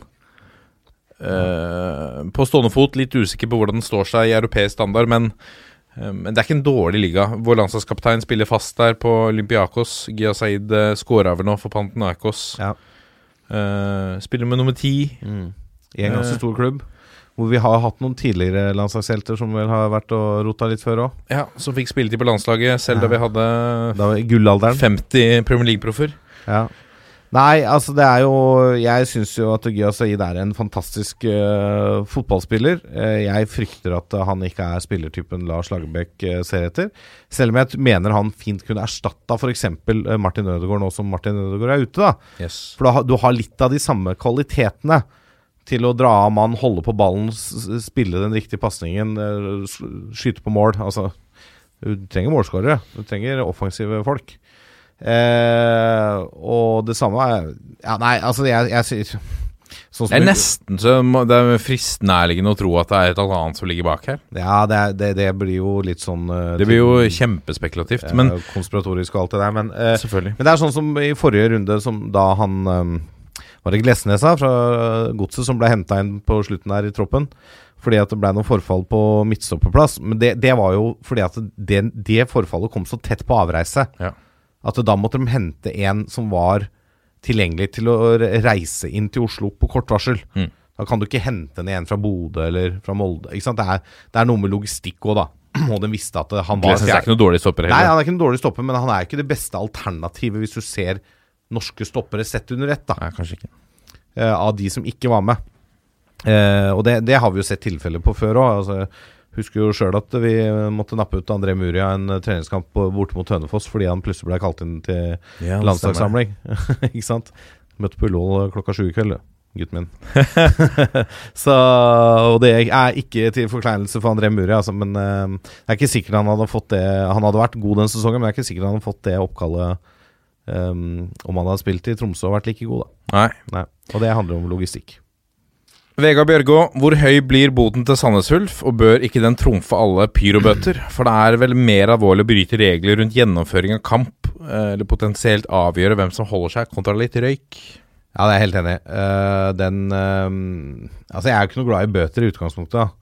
Selv om vi nærmer oss julebordsesong, sånn, for, for å fortsette konspirasjonsteoriene. Eh, nei, altså det der er forferdelig svakt av en toppklubb eh, i Obos-ligaen å ikke klare å få klar banen. Eh, det fins værmeldinger. Eh, du kan godt eh, kaste kommunen under bussen og skylde på de, nå som du skal flytte inn på ny stadion og alt det der, men der har klubben et ansvar for å få den kampen eh, klar og gjennomført. Det er siste serierunde. Eh, motstanderen Strømmen eh, var egentlig en nedrykkskamp mot Notodden. Hadde Notodden vunnet sin kamp, ikke sant, og så blir denne kampen da satt til 0-3, som den er blitt nå. Den blir jo ikke spilt. Så ville jo det avgjort nedrykksstriden. Da ville jo Strømmen beholdt plassen på, på en teknikalitet, på en walkover. Hadde Notodden slått Start i siste serierunde, så hadde vel sannsynligvis denne kampen mellom Sandnes Ulf og Strømmen på et eller annet tidspunkt blitt gjennomført, men da kunne Strømmen spilt på resultat, da. Det er jo ikke rettferdig, det heller. Uh, ikke fan av bøter, men jeg er enig i, uh, i vurderingen der. Dette bør, skal det gis ut bøter i norsk fotball, så bør bota for å ikke klare å gjennomføre en, kamp i eh, Obos, en avgjørende kamp i Obos-ligaen være høyere enn at noen supportere fyrer opp bluss. Olai Årdal, hva bør Haaland gjøre? Bli i Salzburg, reise allerede i januar. Hva klubb hadde passa? Haaland eh, spilte Kom jo til Salzburg i januar. Var ikke Herja ikke veldig på vårsesongen. Uh, brukte litt tid å komme seg inn i laget og sånn. Uh, jeg tror han har godt av å være en hel sesong i Salzburg og være King Kong der. Og vise over en hel sesong at dette fikser jeg. Han har jo vist at han tar nivået. Han skårer i Champions League, han skårer på Anfield. Han, altså, han er jo Han skårer bort mot Napoli, selv om det er straffespark. Men han er jo, han er jo på. Mm. Eh, vent til sommeren. Ha litt grann is i magen, selv om eh, Joakim Jønsson sier at fotball er ferskvare. Så, og det mener jeg også, for jeg har alltid sagt at jeg, jeg anbefaler norske spillere som skal til utlandet, å gå i en preseason til en sesong enn å gå midt i sesongen. Ja. Fordi at da får du tid til å bli kjent med Det er kanskje det sterkeste argumentet. Ja, jeg syns egentlig det. Ja. Eh, hvor skal han gå? Han bør gå til et sted hvor han er så nære laget at han sannsynligvis får bra med spilletid. Mm. For det er helt greit. Altså, kommer Kommer Liverpool bankende på døra og legger 600 millioner på bordet, så er det ikke sikkert han får spille for det. For den trioen der fungerer så veldig godt. Eller hvis eh, Real Madrid legger 800 millioner på bordet, eller Barcelona, eller hva det er. Det er ikke sikkert han får spille for det. Eh, nok av spillere som har gått i de klubbene for enorme summer som ikke får spille. Eh, det tror jeg ikke er noe bra alternativ for Haaland nå. Da er det bedre å heller velge en klubb litt under det sjiktet. Hvor han nesten Leeds? Altså Hvis Leeds rykker opp, så hadde det, vært, ja, hadde vært magisk å få han inn i den Leeds-troppen. For jeg, jeg tror Haaland har alle um, verktøyene i kassa til å kunne levere i Premier League. Mm. Og han er sikkert avhengig av å ha gode spillere rundt seg, men han er jo et one-man-show når han setter i gang også. Så han, og han har fysikken til å takle Premier League. Jeg er helt overbevist om. Ja, ja, ja. Jeg tror Premier League, Bundesliga, kanskje passer den bedre enn La Liga, Serie A, da. Eh, fransk fotball er ikke så Nei, ikke sant, men Ja, jeg, jeg tror egentlig det at en sånn Litt sånn midt på treet Premier League-klubb i starten, og prestere der og vise at du har det, og så heller da regne med at du blir kjøpt opp av en større klubb etter å ha levert noen år i, i f.eks. et nyopprikka lydslag som holder seg, da. Det, det tror jeg nok. Men det, er, men det er klart, sånn som han leverer nå i Champions League, så kommer han til å bli så dyr at det er ikke Leeds som kan kjøpe den. Hans markedsverdi nå er jo sannsynligvis på sånn 300-400-500 millioners kroners-klassen. Det har ikke Leeds råd til å betale for en uh, 20 år gammel spiss, Nei. Tror jeg, da. Så da blir det jo fort en sånn topp, topp, topp-klubb, da. Dortmund, kanskje? De har vært flinke til å foredle unge talenter. Ja. Eller kanskje han går til Red Bull, Red Bull Leipzig? Ja, Innad i energidrikkonsernet. Ja, kanskje. Vet ikke. Men eh, Dortmund kanskje hadde vært en uh, fin klubb. Litt sånn kjempe om tittel, men ikke helt Bayern München. Jeg tror hvis tilbudet kommer fra England, han, han eh, klarer ikke å si nei. Nei, det tror jeg ikke. Altså, hvis Solskjær bestemmer seg for at han skal ha, så, så blir jo Haaland United-spiller. Det kan vi jo Da man spiller med to spisser. ja, ja. Ståle Andreassen sier to seriekamper igjen. Hvor mye bedre blir norsk fotball av det versus å avslutte nå før landslagspausen? Bør siste serierunde flyttes til lørdag, ikke søndag? Uh, for å svare på det siste først. Ja. Mm. Siste serierunde bør flyttes til lørdag. Eh, sånn at uh, spillerne kan få lov å gå ut og ta seg en velfortjent fest. For det er hoved... Nei da, det er ikke det. Men det, det er hyggelig, å jeg tenker at det må være greit å avslutte på en lørdag, da. Ja. Nå spilles den riktignok Han sier her ikke søndag klokken 20. Nå spilles jo de kampene klokken 17 Ja. i siste runde. Ja, ja, men allikevel, jeg syns det kunne blitt eh, spilt på lørdag. Blir fotball-norsk bedre av at vi lar Fotball-norsk bedre. Ja, ikke sant. Her ser du det. er- det er, klokka er seint, altså. Absolutt. Blir norsk fotball bedre av at vi spiller disse kampene etter denne landslagspausen? Nei. Nei. Svensk Nei, det er jo veldig lett å si nei på det spørsmålet. Men, eh, men det blir jo ikke bedre pga. det. Men blir det noe dårligere av at de spiller der? Det vet jeg ikke, men jeg tror at det blir Jeg tror det er en del mette spillere nå. Ja. Altså, vi tåler flere kamper tettere enn det vi har sett i år. Ja. Det, det har vel ikke vært mesterskapsår heller. Så de har klart det i Sverige. Svenske landslaget er bedre enn det norske. De kaller seg fort gjennom EM-kvalik. Eh, så jeg tror nok at eh, vi, vi hadde fint klart å avslutte denne sesongen tidligere. Eh, og lagt cupfinalen tidligere også. Mm. Er Og nå er det Hva er det? 10. desember eller noe sånt, så spiller siste kvalikkampen. Det er seigt, altså. Ja. Eh, Martin Frøyland vil gjerne at du vi skal si noen ord om uh, Steffen Landro til eh, Sandnes Ulf og Tronstad til Fites. Steffen Landro, da. Den frittalende Nessotra-mannen som har briljert uh, med diverse intervjuer og sitater så langt i denne sesongen. Uh, hatt et lag der som, eh, som må vel sies Og han, vel, han sier det jo selv da han fikk denne jobben, at han eh, kan gjøre mye ut av lite.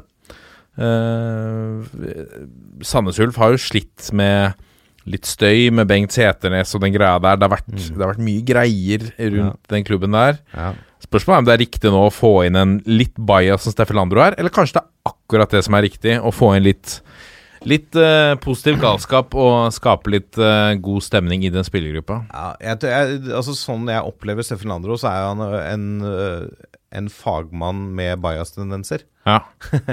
Det er jeg tror ikke det er feil, jeg. Å ha inn en fyr som skaper litt grann blest rundt, som snakker litt i overskrifter, som får liksom Det er noen synergieffekter av det. Å ha noen profiler både på benken og på banen. Uh, så jeg syns det her er kjempespennende. Det er, det er jo et steg opp for uh, Landro. Ja. Det er en større klubb som nå satser og får ny stadion. Det er spennende. Det er en klubb som for ikke veldig mange år siden uh, var ofte å finne på det øverste nivået i Norge. Eh, så dette, det, det, jeg syns dette virker veldig, veldig spennende. Ser du for deg Sandnes Ulf ta, ta steget opp igjen i det mest fornemme selskap på et tidspunkt? Ja, det Du skal jo ikke utelukke det, da. Altså, det har skjedd større under det enn at Sandnes Ulf skulle rykke opp igjen. Nå er det jo Det er jo mye bra lag. Altså, Obos-liga er en tøff liga, altså. Ja, det er mye bra lag der.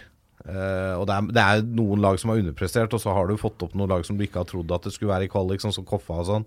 Ikke sant? Eh, Sandefjord og Ålesund går opp igjen nå. Så går noen ned, da, Ranheim i hvert fall, sannsynligvis. Og enten Godset, Mjøndalen eller noe sånt går ned. Kanskje til og med Sarpsborg. Uh, det kommer noen gode lag ned òg, da. Ja. Så det blir jo tøft, men det er mulig. Få litt flyt og finne de riktige gutta til å eh, flytte ballen rundt der og sette den i kassa, så kan det gå, det. Og så Tronstad til uh, Fites. Det går et rykte om at Sondre Tronstad nærmer seg nederlandsk æresdivisjon etter en, en god sesong for, uh, for Haugesund. Uh, kun én skåring på midtbanemannen, men uh, nå har han, vel god, altså. Han har vært meget bra. Nå har han vel Jeg mener at han Hvordan er dette nå? Han har nå? kontrakt ut neste sesong. Ja. Og han han spiller fri. Stemmer. Jeg lurer på nå om han måtte stå over i neste serierunde med den sonet han mot, uh, mot Viking nå sist. Nei, han har, han har vært meget uh, god for Haugesund i år. Ja. Et Haugesund-lag som har variert noe, da. Absolutt. Det er lov å si. Men han har for vært dårlig hjemme. Men de har, har jo hatt en del sentrale spillere ute òg, da. Waji med dopingdommen, eh, Stølås med langtidsskade. Altså Stølås var jo magisk fram til han ble skada. For en fot. For, altså, han leverte målpoeng på rekke og rad, denne venstrebekken. Eh, men de har liksom håndtert skadene bra, da. Det er ikke noe sutring over at vi mangler spillere. Det er bare Vi kjører på med det vi har. Ja. De er jo her for en grunn. De er jo her for å spille. Eh, Tronstad er jo en litt sånn skjult helt som på en måte går litt under radaren på mange, føler jeg. Men han har vært bra på midtbanen, og jeg tror en sånn type overgang til en litt sånn medium god klubb i Nederland, er, det er et bra steg for en sånn type spiller i, på 24 år, da. Og får han et utenlandsopphold, får et eventyr der.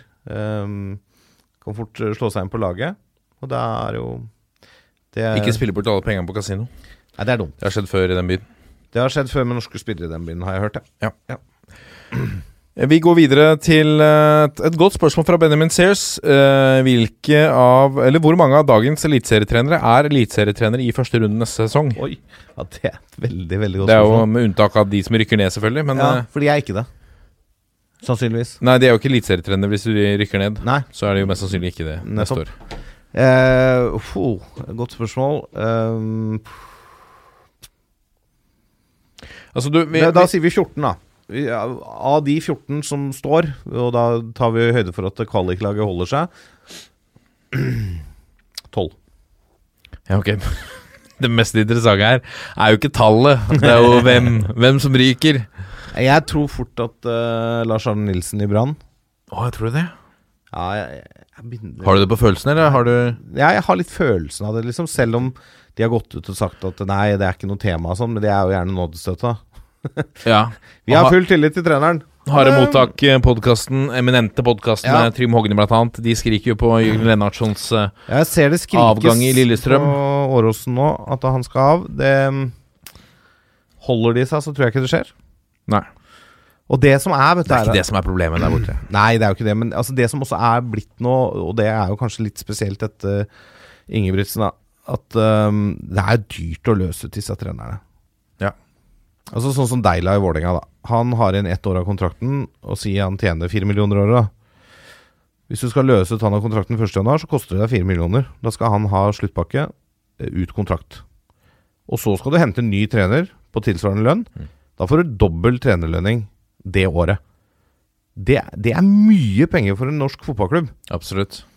Så Nei, jeg tror ikke det er så veldig mange som ryker, men Vi kan ta ta på dugnad den jobben hvis den er, eh, Det er greit. hvis den er tilgjengelig. Det er, må vi legge ned podkasten da, tror du? Ja, Da blir vi vel subjektive, sikkert. Får ikke lov, vi da. Får ikke lov, vet du. Nei. Nei, Uh, nei men uh, Ja, bare sånn wild guess, da, så ryker uh, Lars Arne Nilsen og, og ja, Jørgen Lennartson, da. Ja. Presset blir for stort på Åråsen. Det må kvitte seg med han. Skal vi ta et til? Siste spørsmål. Ehm, eh, jeg kan ta et fra vår gode venn eh, Vegard Nomerstad. Han eh, lurer på Er Vangstein fortsatt skråsikker på at Lillestrøm ikke rykker ned? Ja. Rett og slett. Ja, ja. Jeg, altså, jeg er helt sikker på at Lillestrøm spiller Eliteserien neste år. Ja. De får ikke kvalik heller. Altså, det er eh, for, Og det kan jeg forklare ikke bare med hvordan vi satte opp tipsene i stad, men eh, med kampprogram. eh, og eh, kampprogrammet til lagene rundt, eller bak. Mm. De har de poengene eh, i banken. Eh, så i år så står du sannsynligvis på 29. Det er litt uvanlig, du burde ha 30-31, men eh, det, det, altså det er så voldsomt mye som skal gå galt for at Lillestrøm rykker ned. Altså da, da skal de tape begge sine kamper, og så skal alle de andre kampene gå imot dem. Og så er det noen innbruddes oppgjør der òg, så liksom, sjansen for nedrykk er minimal. Så det, det, det, det, altså det, det, det er greit at det er utur og uflytt og sånn, at de er i dårlig form, men det, det er så jæklig mye som skal gå gærent for Lillestrøm for at de skal rykke ned. Rett og slett. En beroligende dom der fra Lasse Wangstein. Eh, ta med et spørsmål da på, på tampen her fra Patrick Bjerkskaug, eh, min venn fra Horten. Eh, supporterne spiller i år eh, for Ørn 3. Eh, som kronet sesongen med nok et opprykk, eh, skal jeg fortelle deg. Oi, oi, grattis. Eh, han eh, lurer på om går det, an å fått, går det an å få andrelagene til å spille på samme dag som resten av avdelingen i andre og tredje divisjon.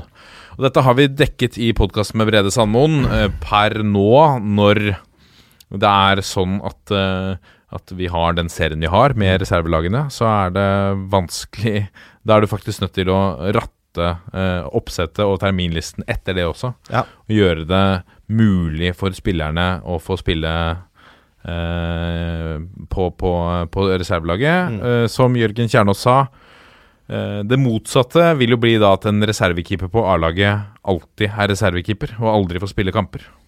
Ja, for, det, ja, for det er jo sånn da hvis øh, Hvis du er skorpa til A-laget, så får du aldri spille kamper, da. Nei, det gjør du ikke. Og hvis du er reservekeeper, og du står da rekruttkampen på lørdag, Ja. og så blir da førstekeeperen skada på treningen på lørdag, Mm. etter den kampen Så da må det, egentlig reservekeeperen stå på søndag, men da har ikke han lov til det, da, for han har stått i andredivisjon uh, i dagen før. For det må jo bli noen sånne regler som kicker inn da. Ja. Uh, så det, det, det Selv om det egentlig er omvendt, at du har ikke lov å spille andredivisjon hvis du har starta Eliteserien dagen før. Nei, men Hvis de spiller samtidig, på samme dag, så er det en umulighet. Ja, det også. Så, Ja. så, så, Og da så er det tredjekeeperen som spiller andrelagsfotball. Ja. Det blir jo feil, det òg. Ja. Så nei, jeg tror ikke det lar seg det lar seg gjøre, rett og slett. Praktisk. Kort og greit. Kort og greit. Vi ser frem til uh, de kommende landslagskampene. Uh, vi gleder oss til en uhyre spennende avslutning på Eliteserien. Uh, og ser frem mot eh, oppgjøret mellom Viking Haugesund, Bjarne Berntsen og Jostein Grindhaug eh, i cupfinalen. Det er i det hele tatt mye å se frem til fortsatt. Lasse. landskamper òg. Landskamper, ja. Det er nydelig. Det er deilig. Vi er Toppfotball på Facebook, Twitter og Instagram. Legg inn en rating da på, på iTunes, da blir vi så glad. Eh, Det er eh, svært hyggelig. Noe fem stjerner her. Det hjelper oss opp på de der eh, algoritmene Ja, ja. og eh, Altså, det Skriv fem, USA skriv fem stjerner, slakt oss gjerne i teksten. Ja, ja. ja, det kan godt. Konstruktiv eh, slakt. Konstruktiv slakt i teksten eller på Twitter. eh, eller Instagram. Kjør på. Alt i orden. Eh, men eh, de fem stjernene hadde vi satt veldig veldig pris på. Ja, nydelig. Eller send oss en mail på toppfotball at 451.no. 1, 2, 3 Vi er en gjeng. Ha det!